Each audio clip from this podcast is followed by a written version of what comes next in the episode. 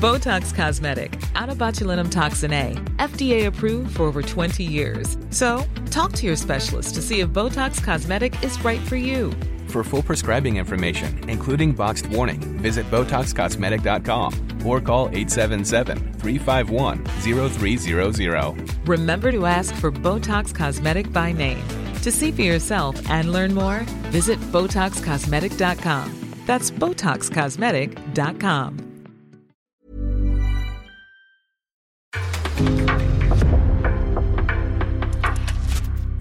En podcast från Aftonbladet. Det närmar sig den stora finalen här i London. England mot Tyskland. En minst sagt laddad historia. Ja, det går inte ens att, det går inte ens att förklara med ord. Alltså hur, hur laddad denna matchen är. Det är en eh, otrolig match som väntar. Och det finns många frågor inför som eh, kan England stoppa Alexandra Popp? Kan Tyskland stoppa Beth Mead? Och med lite distans, hur var egentligen Sveriges EM? Ja, häng med så ska vi gå in på puben här i London och analysera. Så, vad väntar vi på? Nu sparkar vi igång.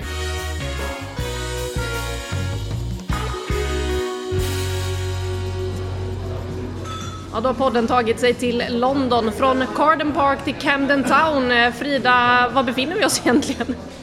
Ja, men vi, just nu befinner vi oss på eh, Earl of Camden som är en eh, ganska trevlig pub slash sportbar i, eh, i Camden. Och det är ju mina, mina hoods, så att det är kul att vi har, kul att vi har hittat hit. Ja, vi är ju här för att ladda för finalen, för nu vet vi vilka som möts där. Men innan vi ska snacka om den, det är ju England mot Tyskland, så ska vi bara prata lite Sverige igen. För sist vi pratade om dem så var det ju bara timmar efter att Sverige faktiskt hade åkt ut med lite distans. Vad, vad känner du kring Sveriges insats i det här Europamästerskapet? Eh, ja, alltså jag känner väl egentligen främst att jag tycker att det är synd att det blev som det blev. De fick inte den bästa uppladdningen. Det, med facit i hand var det nog fel att bara spela en vänskapsmatch innan man kom hit med tanke på att man mötte Nederländerna i första matchen vilket gjorde att man aldrig riktigt fick något andrum. Det hade varit annorlunda att möta Portugal i första, Schweiz i andra och sen så Nederländerna i sista för förhoppningsvis hade man redan varit klar då. Eh, så då hade man kunnat, eh, man hade kunnat slappna av på ett annat sätt. Visst, man hade fortfarande haft det här med att man vill bli först i gruppen, men jag vet inte, jag tror att det ändå hade varit en liten annan, en liten annan känsla. Ehm, och sen så har vi ju det här med covid-fallen som ju ställde till det väldigt, väldigt mycket. Och utåt sett så påstod de ju att spelarna då alltså att de inte var särskilt påverkade. Men nu i efterhand så har man ju förstått att de var otroligt påverkade. Och det är väl inte så konstigt, de har ju liksom varit på, på två, eller haft två framgångsrika turneringar nu där allting har varit frid och fröjd i stort sett bortsett från en skada här och där. Så att det här var ju någonting helt annat för dem att försöka hantera och uppenbarligen så, så gjorde de inte det. Men jag hoppas väl att man har lärt sig någonting av detta. Jag hoppas att man ser till att inte halka efter i utvecklingen gentemot då England, Tyskland, Frankrike framför allt. Så att det är väl där någonstans jag landar i att det, var, det blev en pissig sommar för Sverige. Men eh, förhoppningsvis så kommer man tillbaka starkare ändå och inte tvärtom. Ja, och trots att det blev en, eh, vad som känns som en pissig sommar och där Sverige aldrig hittade flytet och sådär så tar man sig ändå till en semifinal mycket då tack vare att man kanske fick en lättare kvartsfinal eh, mot Belgien. Man hade ju kunnat ställas mot Frankrike till exempel om man hade slutat tvåa i gruppen och sådär. Men man tar sig ändå till en semifinal och det borde Sverige vara väldigt nöjda med med tanke på hur spelet såg ut känns det ju ändå som. Ja, nej men absolut så är det ju. Det är ju svårt det där. Man ska, man ska ha, till viss del ska man ha flyt i en sån här turnering och det hade ju Sverige sett till att man då blev gruppetta. Men det var liksom inte som att man hade tillräckligt med flyt. Däremot England, tänk om de får in ett mål. Jag tror nästan kanske att vi hade kunnat få se någon sorts USA-match då. Att, de, att, att Sveriges självförtroende hade byggts på om de bara hade fått in det där 1-0 målet. För det sa ju alla engelska spelare efteråt. De, de hade ungefär samma analys allihopa. Särskilt Lea Williamson när hon pratade om det. Att, att det var det första målet för England som liksom funger- förändrade allt. Som gjorde att Englands självförtroende byggdes på och så märkte man ju hur det fullständigt krackelerade i, i Sverige. Så att där tyckte jag ändå att det var, även om resultatet blir 4-0, så tycker jag på något sätt att det ändå är små marginaler som avgör, i alla fall under den första halvleken där. Sen, eh, ja, det ska ju inte rinna iväg på det sättet som det gör. England är ett väldigt starkt lag också, men de har uppenbarligen sina svagheter och det tror jag att vi nog kommer komma in på. Det kommer vi absolut. Innan vi går över där så måste jag bara, det är därför jag plockar upp telefonen också. Det är inte för att jag slutar lyssna på det och zonar ut som Caroline Seger gjorde under en presskonferens här. Jag är så van vid att bli ignorerad. det är för att jag ska ta upp Hedvig Lindahls eh, Instagram-inlägg som hon la upp nu eh, idag när vi eh, spelar in det här. Om hon vaknar mitt på natten, har svårt att sova, skam. Känner igen känslan. Samma känsla som jag varit orolig att känna i samband med laguttagningar där jag satsat allt. Att inte bli vald, att bli ensam kvar med skammen över att inte vara bra nog. Att släppa in en tunnel och en lobb på världsscenen får samma skamkänsla att skölja över mig. Så förnedrande, så jävla pinsamt. Ja, ska jag berätta en läskig grej kring detta också? Ja, I natt så drömde jag om Hedvig Lindahl. Och detta är det första jag ser när jag vaknar upp, och det är ju läskigt. Och i den drömmen som jag hade så var det någon, jag vet inte vem det var, som påpekade att för en gångs skull så gick ju Hedvig in här i ett mästerskap och kände att hon fick fightas för sin första plats. Jag minns inför, det måste ha varit VM 2019 och de spelade en träningslandskamp mot Österrike. Och Hedvig hade i stort sett inte spelat någonting inför VM ju. Men blev, alltså tog sig försvar hela tiden av, av Gerhardsson som sa att eh, äh, hon är liksom målvakt, hon behöver inte matchas varje vecka för att liksom vara på, vara på topp och, och förtjäna att vara första målvakt i, i landslaget för att den, den nivån håller hon. Och så tänkte jag på det nu att så har det inte riktigt varit inför den här turneringen för att hon har ändå jagats av Jennifer Falk på ett sätt som hon inte har gjort under Peter Gerhardssons tid som förbundskapten. Så även om jag kanske ska dra för stora växlar av en dröm jag har haft och ibland är det ju faktiskt bra att ha konkurrens på målvaktssidan, att, att det gör att målvakten i fråga lyfter sig betydligt mer. Men i Hedvigs fall så tror jag faktiskt att det kan ha påverkat henne mer negativt snarare än att hon har sporrats av det. Men det är ju bara en egen, en egen personlighetsanalys. Jag vet inte vad du, vad du tänker. Ja men lite samma sak och frågan är om inte hon hade varit ännu mer jagad av Jennifer Falk om inte Jennifer Falk hade stått för några svajiga insatser under våren i damallsvenskan. Hade hon gjort en lika stark säsong i damallsvenskan under våren så som hon gjort de senaste åren så eh, vet jag inte om Hedvig faktiskt hade varit första valet här. Eh, vi hade ju bland annat en insats mot Eskilstuna där för Häckens del, Jennifer Falk. Häcken hade ju det allmänt stökigt några veckor där eh, i samband med cupfinalen där de får ett mål godkänt som, eh, ja det är väl ingen som kan se att det är inne förutom möjligtvis då assisterande domaren som säger att jo men den var över linjen och står fast vid det. som avgör hela den och efter det så var det ju skakigt för Häcken när de tappar poäng och tappar allt i guldstriden och där skakar ju även Jennifer Falk hade hon inte gjort det så tror jag nästan att eh, hon hade kunnat vara den ja, som stod i det här mästerskapet. Ja men exakt, för, för Hedvig är en väldigt eh, emotionell människa.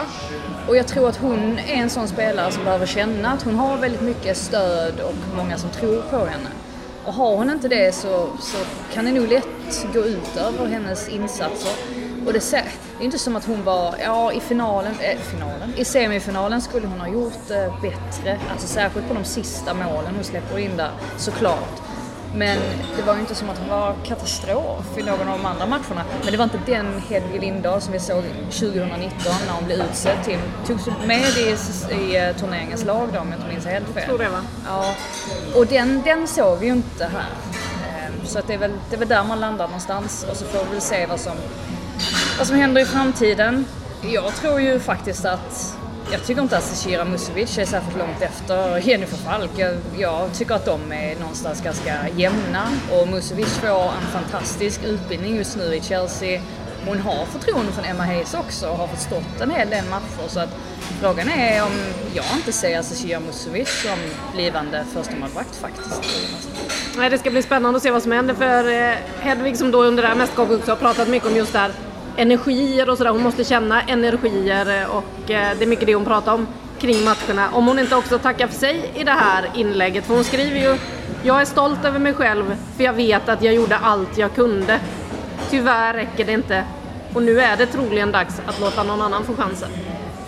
Är det tack och hej? Alltså vi har hört detta förr. Eh, så just därför Du så känner stänger man- inte dörren helt. Det kommer alltid med en brasklapp, gör inte det. Men eh, skulle jag gissa så skulle jag nog gissa att det, det, är, det är slutet. Vi får väl se här. Gerhardsson är ju sådär att han, han börjar redan prata om laguttagningen till matchen mot Finland i slutet av augusti.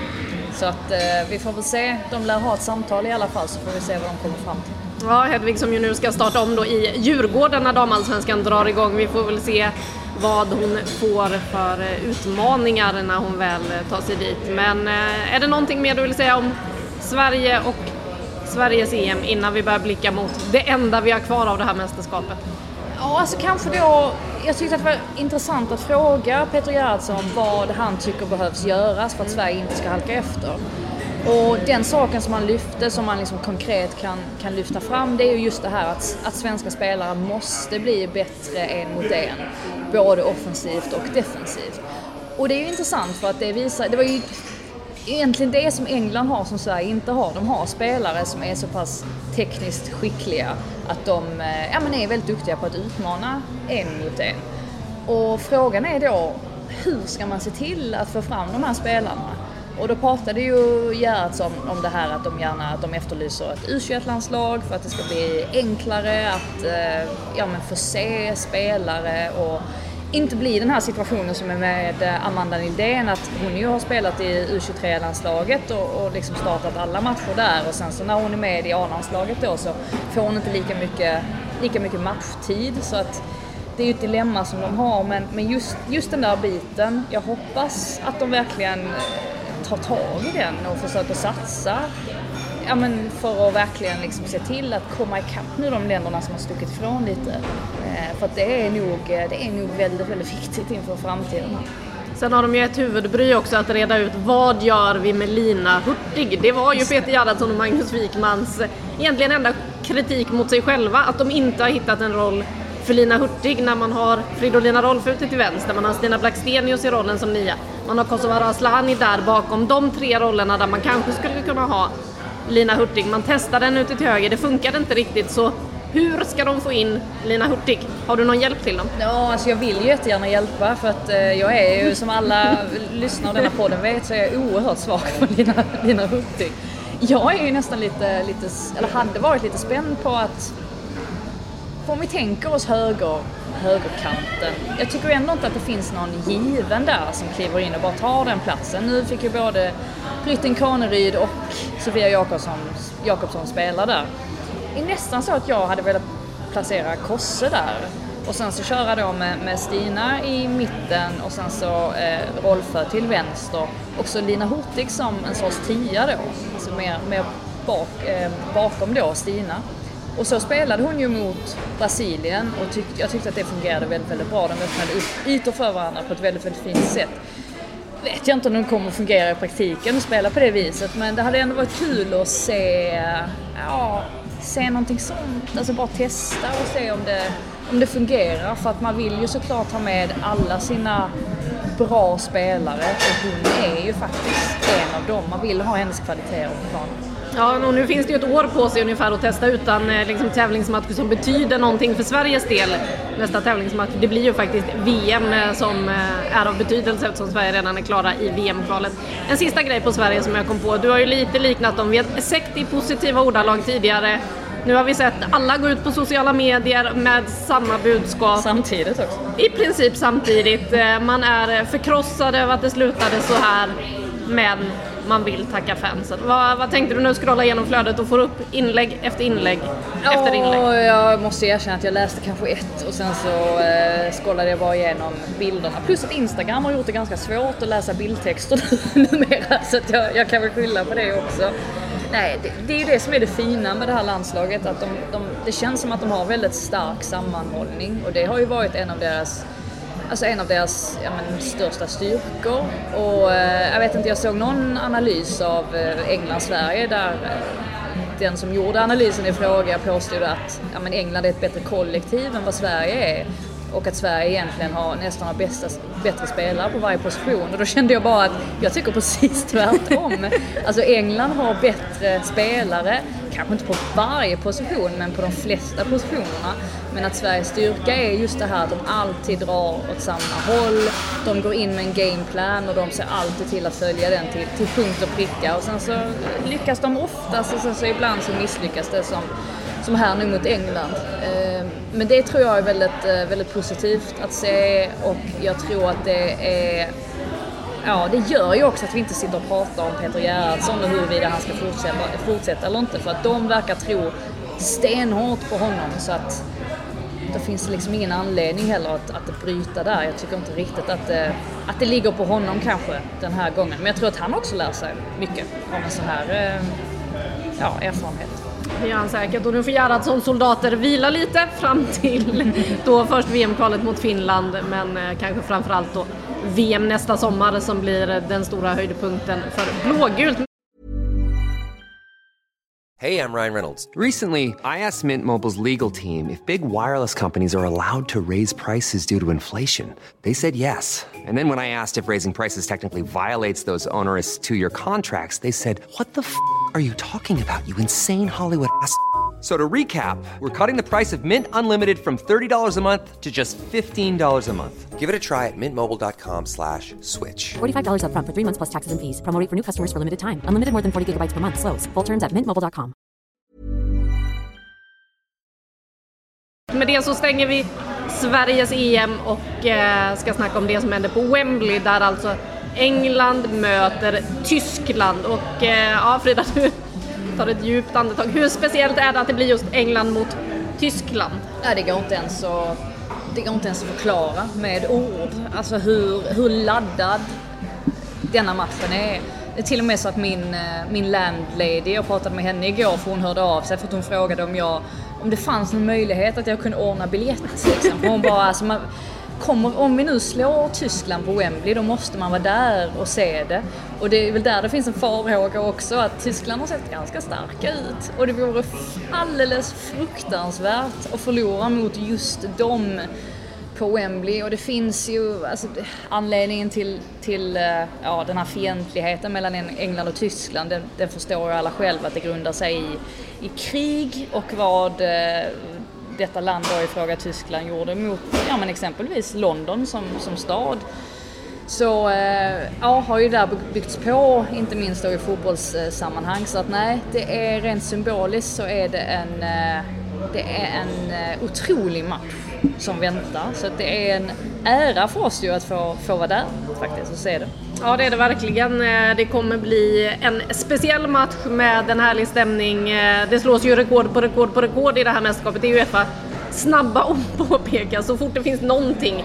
Eh, det skulle kunna räcka att det är en person eller att man har sålt en korv mer än på en tidigare match så kommer Uefa skicka ut ett pressmeddelande om det. Men på söndag så är det ju faktiskt speciellt att det är inför stor publik på Wembley som den här matchen spelas. Vi har ju pratat ganska mycket om England ändå i den här podden eftersom vi ofta har synkat våra inspelningsdagar med att det ligger precis efter Englands grupp. Inte pratat lika mycket om Tyskland som ju har smugit lite under radarn. Och som, är det ditt lag? Eh, nej, det skulle jag väl inte säga ändå, men eh, det är ju ett av lagen som jag imponerats av under det här mästerskapet. Och eh, vi kan väl börja med, för inför så pratade ju folk om Spanien, man pratade om England, man pratade om Sverige. Det var inte så många som pratade om Tyskland. Men är det inte Hanna Glas fel också? Vi skyller eh, en hel del på Hanna Glas. Du blev lurad av Hanna Jag blev helt lurad av Hanna Glas. Jag tänker att man kan lita på någon som bor och spelar i Tyskland. Men vi kan väl säga som så här att eh, Lena Oberdorf, mittfältaren, hon eh, hade inte heller trott att det skulle gå så här bra. Hon eh, tycker inte att det gör något att man har glömt bort Tyskland lite. Vi kan väl lyssna på vad hon själv säger när hon för att eh, Ja, nej, men ni har ju varit bortglömda, så här säger Lena Oberdorf. Yeah, I think they forgot about us, but also uh, our preseason there were like a lot of ups and downs. When I think about the game against Serbia where we lost, then we had the game against Switzerland where we won 7-0. So um, if I would be a supporter, I would not recognize us uh, right now in this tournament. But I'm happy that we found each other in the preseason camps, and I think right now we show what we can and what we have, in, like what kind of quality we have in the team, and we get it finally on the pitch, and that's what we want to do on the final. Ja, hon säger att supportrarna känner nog inte igen Tyskland under det här mästerskapet. Vad är det som har hänt med dem? Allting funkar helt plötsligt. Men vad är det så här man ska göra? Man ska inte gå ut och säga att man är en av favoriterna. Man ska gå ut och säga precis tvärtom. Att vi, vi kommer, vi, kommer, eh, vi kommer misslyckas totalt och sen så går, går det bra. Ja, det verkar ju vara lite så och eh, som Alexandra Popp var inne på på presskonferensen efter semifinalen så sa hon ju också att hon har spelat i landslaget i över tio år och aldrig känt den här teamspiriten i ett lag innan. Det här är något speciellt, det är något särskilt med den här gruppen. Eh, det låter också lite som Sverige när det har gått bra. Ja men precis och du och jag var ju på en presskonferens i ett otroligt hett Frankrike 2019 innan eh, Sveriges möte då med Tyskland. Och jag tror att du säkert hade lite samma känsla som mig under den presskonferensen att de som satt uppe på podiet, det var Julia Guin, sen kommer jag inte ihåg Nej, jag kommer inte ihåg, men. Julia Guin kommer man ihåg.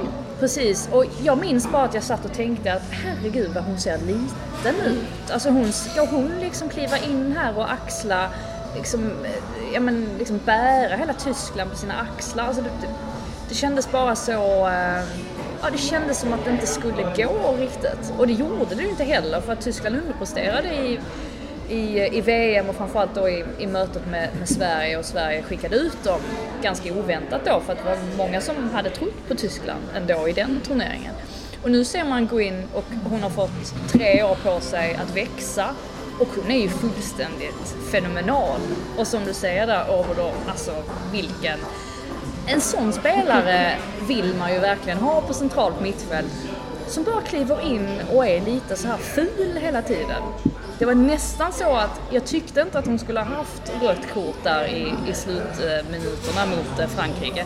Men det var en ganska, ganska farlig tackling att göra sådär sent. Alltså hade, jag tror hade domaren pek, eller visat det röda där så tror jag inte att VAR hade hade lagt sig i det beslutet faktiskt. Att hon, hon ligger ju hela tiden på gränsen men det är så, det är så tacksamt att ha en sån spelare i sitt lag och det är ju en sån som England definitivt måste, måste se upp med om man nu kan göra det. Och sen så har de ju givetvis eh, Pop som du vet allt om nu. Ja, jag vet allt om eh, Alexandra POP, som ju faktiskt gör sitt första EM. Eh, Det är ju smått otroligt. Hon har alltså spelat 119 landskamper men aldrig tidigare spelat ett EM och kom ju hit. Alltså hade EM spelat som det skulle förra sommaren då hade hon missat det här EMet också. För då var hon knäskadad, en skada som man faktiskt trodde skulle vara slutet på karriären. Men hon krigade sig tillbaka från den, kom tillbaka i mars och ja, vi kan väl eh, lyssna på Lena Oberdorf igen då som berättar om Pops resa tillbaka och vad Pop betyder för det här tyska landslaget. Yeah, she's she's incredible to be honest. Nobody expected her to be that strong in this tournament. When you look at the the preseason from her, she was injured the, the whole season almost. Then she came back. Then she had a little injury again. Then we had the pre-camps. Then she got COVID.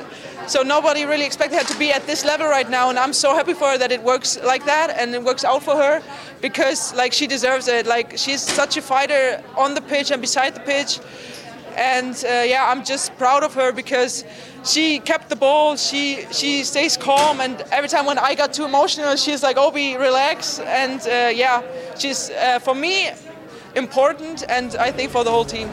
Ja, Oberdorf eh, där säger liksom hon är lugnet på planen, det är inte det man själv känner när man ser hur hon kliver in i straffområdet, eh, kanske framförallt på det här två ett målet i semifinalen när hon med all vilja bara skickar Tyskland till finalen. Men det är hon som alltså säger till Obi relax när de är ute på planen och Oberdorf blir lite för ivrig. Hon kanske har stoppat ett och annat eh, gult kort där för Oberdorf. Eh, men eh, det är ju otroligt att hon har gjort mål i varenda match i det här mästerskapet. Ja, och där har vi också en kamp som kommer att avgöras på söndag. Vem som tar hem skytteliga-segern.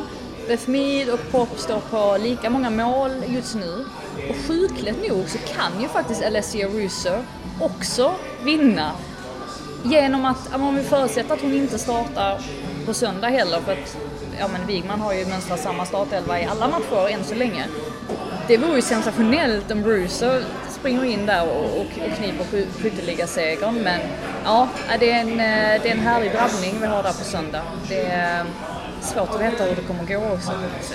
Ja det är det ju och eh, Hedvig Lindahl var ju inne på tidigare i den här turneringen när hon skulle beskriva Ellen White och hur man liksom inte får släppa henne med blicken en sekund eh, när hon befinner sig i boxen så liknade hon ju henne vid just Alexandra Popp. Hon är lika skoningslös i boxen. Eh, ger man henne en millisekund så är hon där och gör målet. Man måste se upp med henne och man kan väl säga då att Alexandra Popp har varit lite mer lyckad i det här mästerskapet än Ellen White, även om Ellen White har överträffat förväntningarna man kanske hade på henne inför. Men eh, Ja, vad känner du inför matcherna? Vad kommer bli avgörande i den här kampen?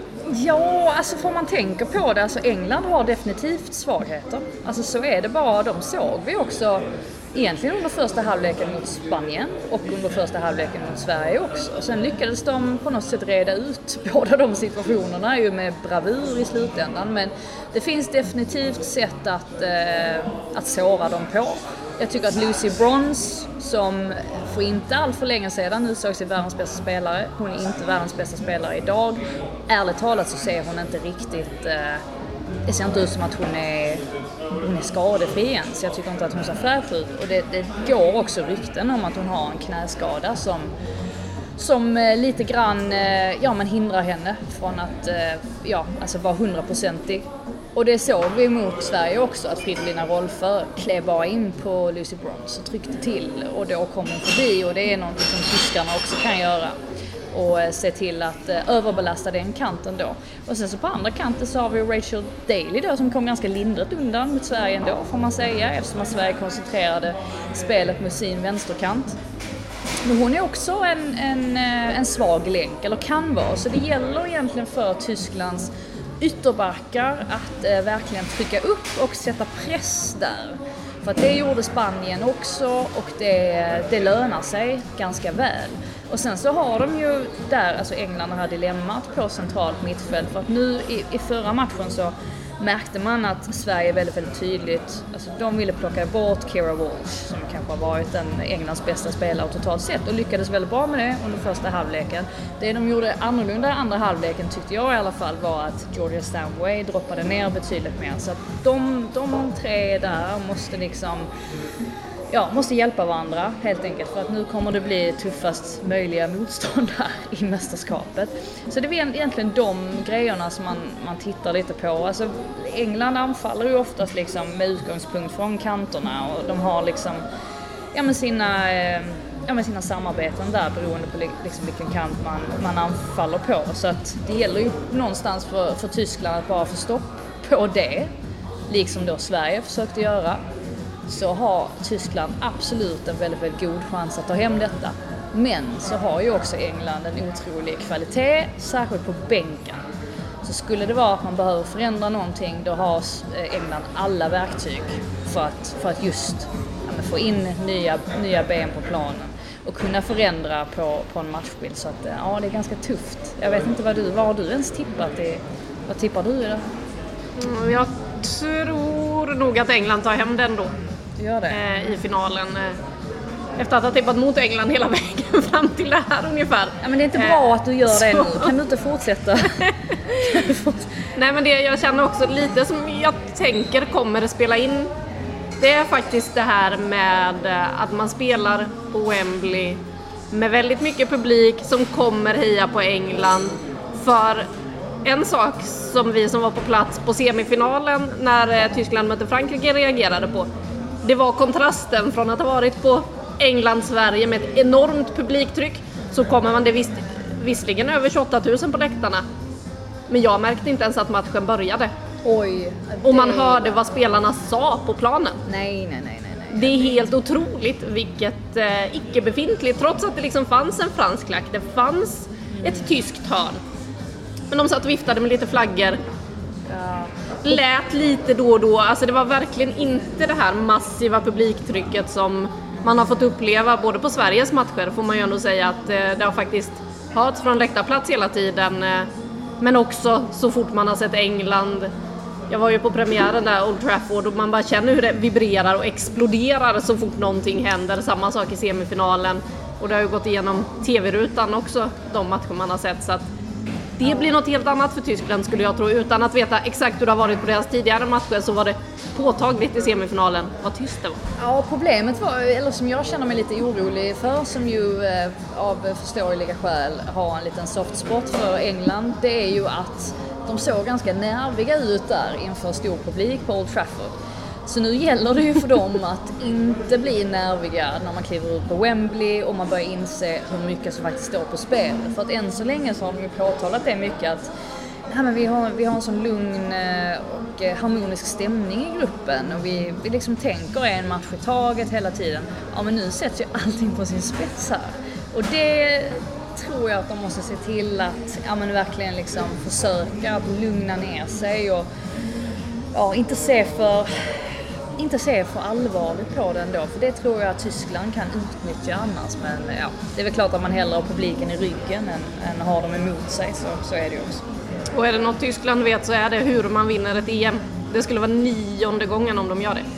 Ja, det är orättvist, är inte det? Att det, Det har liksom de bara spelat sedan många- 84, de har vunnit nästan alla. Ja, exakt. Och vi har vunnit en gång. Ja. Det är... Ja. Det, ja, histori- historien talar ju för Tyskland, men eh, ja, det är frågan om inte England då... De måste ju på något sätt eh, visa herrarna här från förra sommaren att eh, de i alla fall kan vinna i en, i en EM-final på, på hemmaplan. Så att, eh, ja, vi, får väl, vi får väl se. Hur stort vore det då om de gör det, just med tanke på vad som hände förra sommaren? Ja men det vore så stort så att men jag tror framförallt som vi har pratat mycket här i podden också om alltså hur mycket det hade betytt för eh, just för damfotbollen i stort och jag tror att det hade, det hade banat väg för väldigt, väldigt, väldigt mycket. Och äh, det här landet behöver verkligen en framgång på damsidan och för att folk ska ta ska ta det på allvar. Jag, jag tyckte det var så kul för att jag var iväg äh, ja, men, eh, hos Brentford häromdagen och eh, pratade lite med Pontus Jansson som hade tittat väldigt mycket på, på EM nu och var förundrad över hur mycket bättre kvalitet det är, alltså sett till för 6-7 år sedan. Han bara, alltså, det är ju riktigt hög kvalitet och var liksom genuint, ja men dels lite överraskad men också väldigt positiv och sa alltså det är kul att kolla matcherna. Och jag såg att Jürgen, eh, Jürgen Klopp fick också fråga om detta på sin presskonferens här under gårdagen och eh, sa samma sak, att han var så otroligt imponerad och, och tyckte att eh, men det här är riktig fotboll, alltså det är riktigt, riktigt bra. Och det tror jag, även om det kan låta tramsigt att liksom herrprofiler inom fotbollen måste kliva ut och säga sådana här saker, men jag tror att det är jättebetydelsefullt för att damfotboll ska börja tas på allvar. Och det är helt rätt. Alltså det är exakt så. Kvaliteten bara ökar och ökar i rekordfart egentligen. Så att hoppas väl framförallt att vi får se en väldigt, väldigt bra final. För jag tror att det är Ja, det, det mår verkligen damfotbollen gott av. Och skulle England vinna, ja då är det... Då mår du inte sämre. Jag mår inte dåligt då, det gör jag inte. Då, då får jag ta igen det firandet som uteblev efter förra, förra årets EM-final. Eh, man får liksom ta igen, eh, ta igen det nu i så fall på något sätt.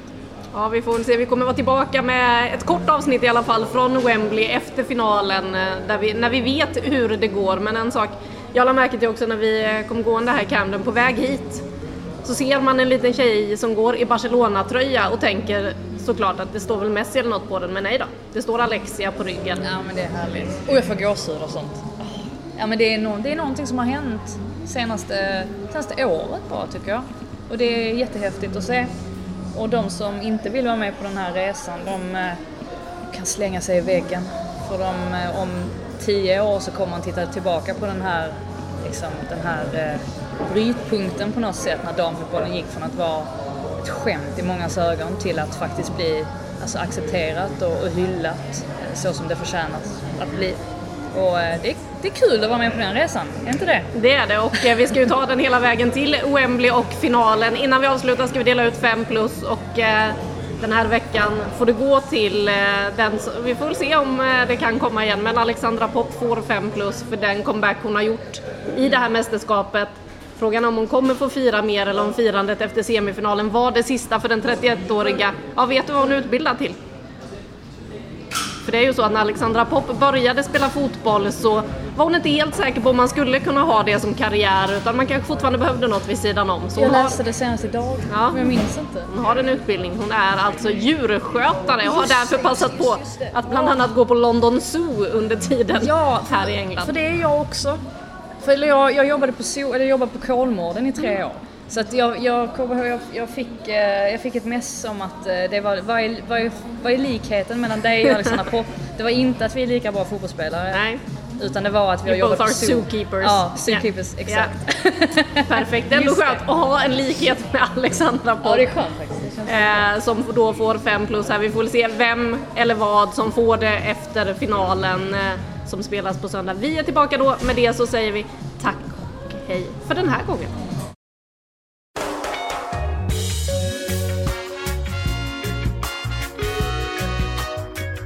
Du har lyssnat på en podcast från Aftonbladet.